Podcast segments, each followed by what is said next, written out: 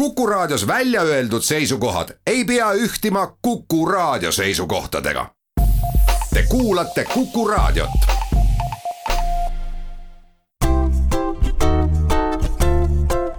patsiendiminutid, Patsiendiminutid toob teieni Eesti Patsientide Liit tere, head Kuku kuulajad!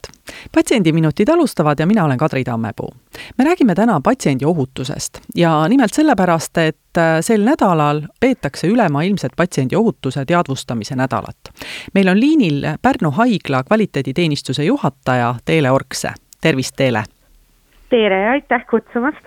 no räägime natukene siis, ähm, miks seda patsiendi ohutuse teadvustamise nädalat pidama peab sellepärast et äh, mulle tundub kodanikuna, et patsiendi ohutusega peaks tegelema iga päev. Aga sulle tundub kodanikuna väga õigesti. Ja tegelikult peakski olema, eh, ma leidsin ühe hüüdlause internetist, et peakski olema patsiendi ohutus kõige tähtsam teema seitse päeva nädalas ja kolmsada kuuskümmend viis päeva aastas aga loomulikult iga päev ju kõike ei jõua tähtsustada, et palju teisigi tähtsaid teemasid on. võiks öelda, et patsiendi ohutus on sisuliselt siiski inimõigus, siis aeg-ajalt tuleb seda olulist teemat jälle esile tõsta. see on see vastus, et miks patsiendiohutuse teadvustamise nädal. kus seda nädalat tähistatakse, millised riigid on need, kes rohkem võib-olla teemale tähelepanu pööravad? See on alguse saanud Ameerika Ühendriikidest, kust sai alguse kogu patsiendiohutuse liikumine ja, esimest korda on seda päeva tähistatud kahe tuhande teisel aastal. ma ei oma väga sügavaid teadmisi, et kuidas täpselt selle alustamine eh, alguse sai, aga ma arvan, et see on seotud sellega, et tegemisel oli ja õige pea tehtud ka sai siis äh, Ameerika patsiendiohutuse edendamise strateegia, et selleks, et äh, mingisugust äh, tegevusplaani koostada, oli algselt vaja ka natukene rohkem teadvustada. tõesti, väga paljud erinevad organisatsioonid siis Ameerika Ühendriikides näiteks peavad seda oma patsiendiohutuse teadvustamise nädalat ja kutsuvad läbi oma võrgustikes ka teisi organisatsioone liituma ja selle nädala raames siis tehakse näiteks tasuta koolitusi, avaldatakse uusi raporteid või uusi analüüse, samamoodi tähistatakse seda patsiendiohutuse päevaga näiteks Ühendkuningriigis ja Austraalias, see on selles suhtes selline sotsiaalne ettevõtmine, eesmärk ongi, et räägime, teadvustame ja selle alusel siis saame ka tegutseda kuidas Eestis olukord on? mulle tundub, et Eestis väga palju patsiendi ohutuse teadvustamise nädalast pole juttu olnud ei ole, et ma ütleks, et Eestis meil on see ka selline sotsiaalne ettevõtmine, et näiteks kutsun üles Pärnu haigla Facebooki kodulehekülge vaatama, kus me siis lihtsalt postitamegi mingisuguse ühe mõtte sellel teemal. Ja Eestis tõesti rohkem põhimõtteliselt ei olegi, kui et üritame sellest rääkida, et jälle rohkem inimesi selleks räägiksid, et tekiks see suurem võrgustikutöö kui me vaatame maailmas ringi, siis millised on patsiendi ohutuses praegu sellised kuumad teemad, mille üle rohkem arutletakse või kus äh, ka tehakse rohkem uuringuid? Meil on siis kevadeti see patsiendiohutuse teadvustamise nädal ja sügiseti on patsiendiohutuse päev ja viimane oli siis seitsmeteistkümnendal septembril kaks tuhat kakskümmend ja WHO ehk Maailma Terviseorganisatsioon tähistas seda väga suurelt, et äh, ma arvan, et ma osalesin mingi kuuetunnisel sellisel online üritusel. sellel aastal WHO hüüdlause on siis äh, safe workers, safe patients, mida siis võiks tõlkida umbes, et äh, kui tervishoiutöötajate ohutus on tagatud, et siis nad saavad ka tagada patsiendi ohutust. koroonapandeemia tingimustes on väga selgelt see töötajate ohutus esile toodud. ja tegelikult laiemate uuringute järgi on tervishoiupersonal üks sagedamini töökohal nii-öelda viga saav või kahju saav äh, töötajaskond tegelikult kahte sorti on need põhiprobleemid, mis äh, tervishoiutöötajatel on, on siis äh, läbipõlemine ja väga raske mõjud potentsiaalselt vaimsele tervisele nagu väsimus ja stress. Ja teine on tegelikult äh, lihasluukonna valud, ehk siis me läheme siis õendus-hoolduspersonali poole, kes siis tõstavad patsiente ja ja kogu aeg peavad väga palju liikuma. Ja tänapäeva arstide haigus mis on, ma arvan, ka teistes professioonides on seesama arvutihiire kasutamisest tulenev andmevalu, et, et need kaks valdkonda on siis töötajate ohutus.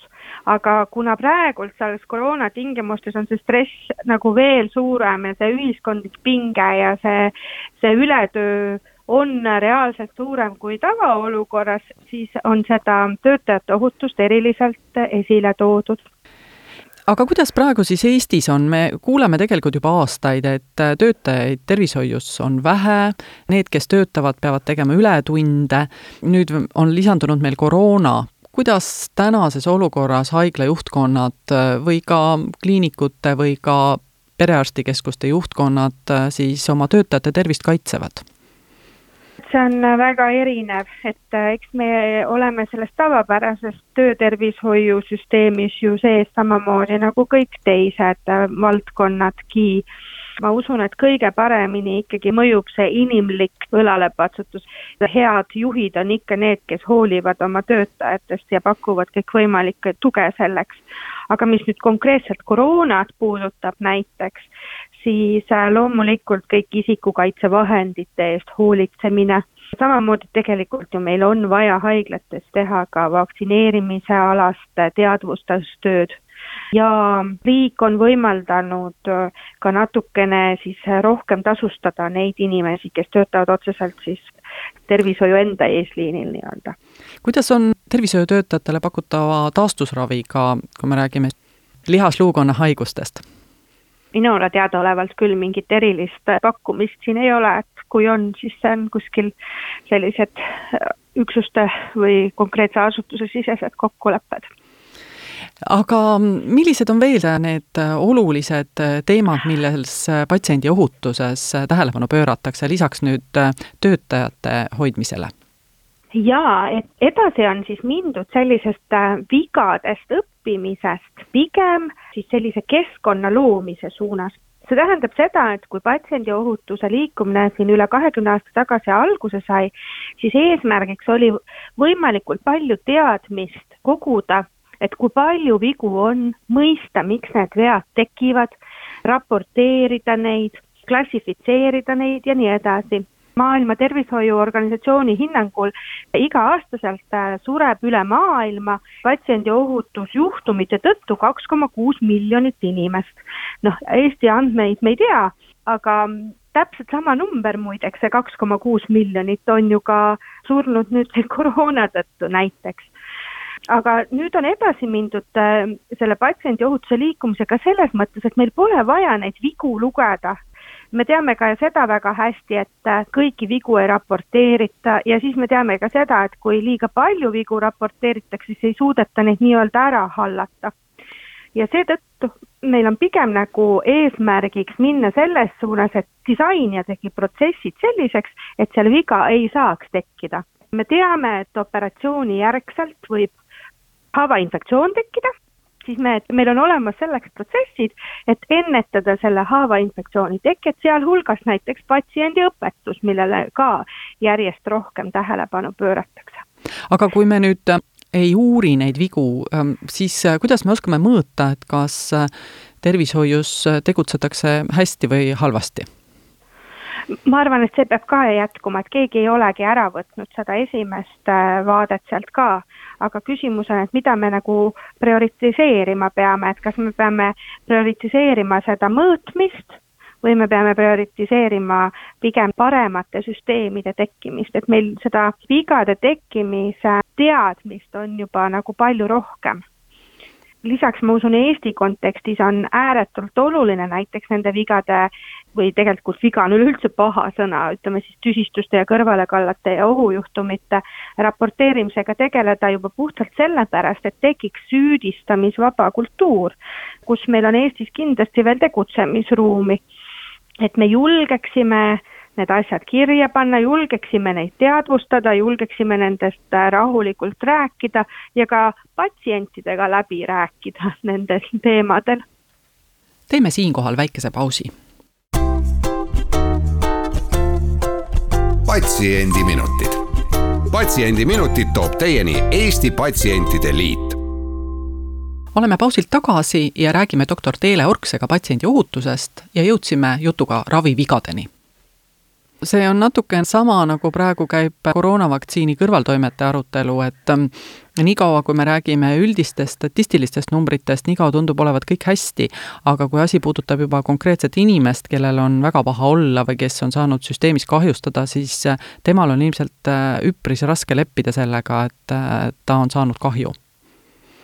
Ja, ja, ja täiesti õigustatult, aga selleks, et seda ei varjataks, et teisel ei juhtuks, siis selleks peabki süsteem aitama avatult sellest rääkida ja seda analüüsida. et näiteks seesama inimene, kes on saanud kahju, et kindlasti on ju inimesi, kes tunnevad, ma ei tea, mõnu kättemaksmisest, aga need inimesed, ma kujutan ette, on sügavas vähemuses. et tegelikult ju kogu süsteemi eesmärk on alati ja alati inimest aidata, sealhulgas aidata ka potentsiaalset tulevikuinimest, kes võiks saada nii-öelda päästetud tänu sellele, et kellegi eelmise õnnetus on nagu läbi arutatud rahulikult ja ja avatult. no aga millest see tuleb siis, et ähm, väga tihti inimesed, ähm, kui nendega on ka midagi juhtunud, siis nad tegelikult ei julge öelda, mis nendega juhtus, sest mine tea, teinekord äh, peab minema sama arsti juurde tagasi, samasse haiglasse tagasi ja igaks juhuks äh, jätan rääkimata, või siis, mhm. kui inimene ka kaebab, siis saab ta enamasti vastuseks, et ravi toimus vastavalt heale ravitavale kuidas seda olukorda murda või panna ühtepidi inimesed rohkem rääkima ja teistpidi ka arstid äh, avatumalt äh, oma probleemidest rääkima? jaa, mina küll julgustan alati andma tagasisidet, aga tagasiside selleks, et äh, nii-öelda vastutõrget ei tekiks, peab ju ise ka konstruktiivne, eks ju, olema ma arvan, et mida rohkem me mingit asja teeme, seda õigemini me seda lõpuks teeme, seda nagu tavapärasemaks ja normiks see muutub. et ma võin tuua jälle näite näiteks Pärnu haiglast, et meie oleme oma tagasisidesüsteemi lihvinud siin ikka viisteist aastat ja ma ei näe kunagi seda olukorda, et tagasiside oleks paha, me alati ütleme patsientidele, et eh, tagasiside on hea ja samamoodi me eh, levitame seda arvamust ka oma organisatsiooni sees. ma arvan, et see on väga inimlik, et kui sind nagu süüdistatakse, siis sa võtad nagu kaitsepositsiooni. seda süüdistamist peab organisatsiooni enda sees koolitama ja koolitama, et, et töötajad ei võtaks seda süüdistamisena no lisaks äh, sellele, et inimene annab tagasisidet, äh, millised äh, rollid või millised ülesanded inimesel veel võiksid olla seoses sellega, et tervishoid oleks tema jaoks ohutum? tegelikult ega siin õiget vastust ei olegi. ühelt poolt me peaksime ütlema, et alati tervishoiupersonal peaks vastutama patsiendi ohutuse eest. aga teisalt on inimestel väga palju võimalusi ise sellele panustada ja näiteks on olemas üks väga lihtne meetod, mille nimi on, on inglise keeles Ask me three, see on selline patenteeritud meetod. siin on see, et äh, alati, kui sa lähed äh, vastuvõtule näiteks, mõtle ennem ära, mis on minu põhiprobleem mida ma pean tegema selleks, et, et end nagu paremini tunda ja miks see asi on minu jaoks tähtis, et sellised näiteks kolm küsimust läbi mõelda või neid küsimusi võib ka tegelikult olla seitse, et, et väga lihtne asi on see, et mõtle läbi ja küsi avatult, et see on üks asi, kus patsiendid saaksid kindlasti nagu ise kaasa aidata.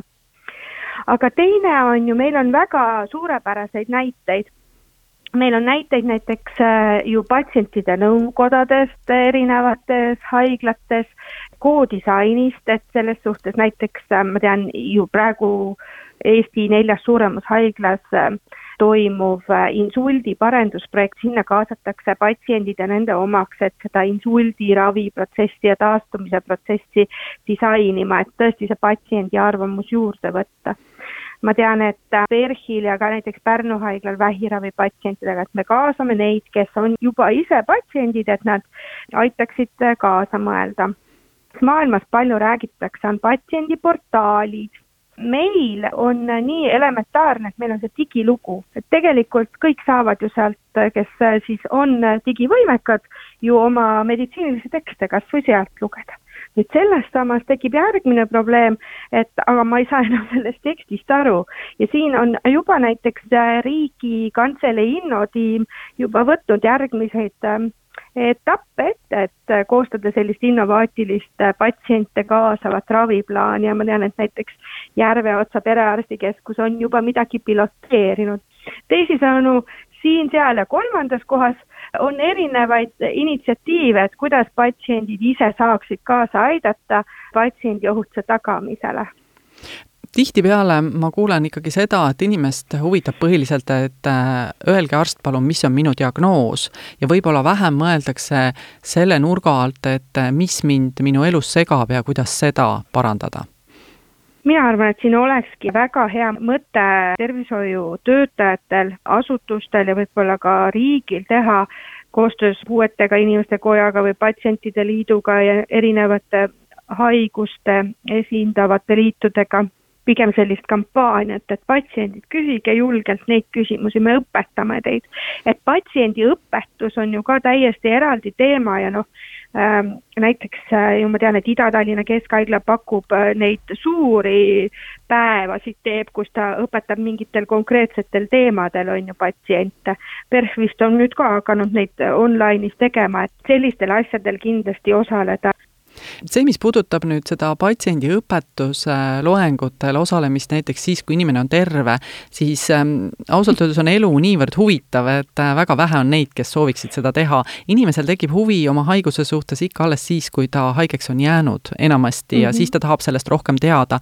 kuidas saaks nüüd võib-olla kas neid kirjalikke materjale või sobival ajal vaadatavaid videosid äh, inimestele pakkuda nii, et, äh, et kui on häda, siis on ka abi ma tean ju, et Tervise Arengu Instituut tegeleb osade selliste videote loomisega, Haigekassal on oma patsiendijuhendite andmebaase, taaskord erinevad haiglad ja perearstikeskused teevad neid ka, aga ma arvan, et selline õpetus, et mina vastutan oma tervise eest, ma pean mõtlema läbi, mida ma soovin, mida ma tunnen ja kuidas ma seda väljendan, et see kindlasti on, kus me võiksime Eestis edasi liikuda no meditsiinis on ju ka nii, et mida rohkem meditsiin areneb, seda intensiivsem on see sekkumine ja seda suurem on ka oht, et midagi võib valesti minna.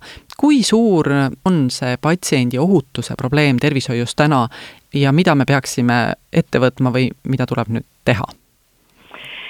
Meil puuduvad Eesti andmed, sellepärast ma arvan, et ongi oluline, et me räägime sellest patsiendiohutusest kas või praegult siin sinuga. maailma Terviseorganisatsiooni hinnangul juhtub tervishoiuteenuste osutamise käigus igal aastal kuskil sada kolmkümmend neli miljonit kõrvalekallet, siis statsionaarses arstiabis ehk siis haiglates ja, ja iga neljas patsient kümnest kogeb kahju ambulatoorses ja esmatasandi arstiabis. ilmselgelt see probleem on ääretult põletav. meil on viimane aeg teadvustada seda probleeme patsientidel ka äh, nõuda seda oma õigusena ja riigil toetada sellise strateegia ülesehitamisega ja, ja töötajate toetamisega, sest mitte ükski tervishoiutöötaja ei lähe ühelgi hommikul tööle sooviga midagi halvasti teha no hästi, loodame siis, et inimesed saavad julgust juurde ja patsiendiohutuse teema pälvib rohkem tähelepanu. aga suur aitäh, Pärnu haigla kvaliteediteenistuse juht Teele Orkse täna ohutuse teemal arutlemast, täname kuulajaid ja püsige ikka terved. patsiendiminutid. patsiendiminutid toob teieni Eesti Patsientide Liit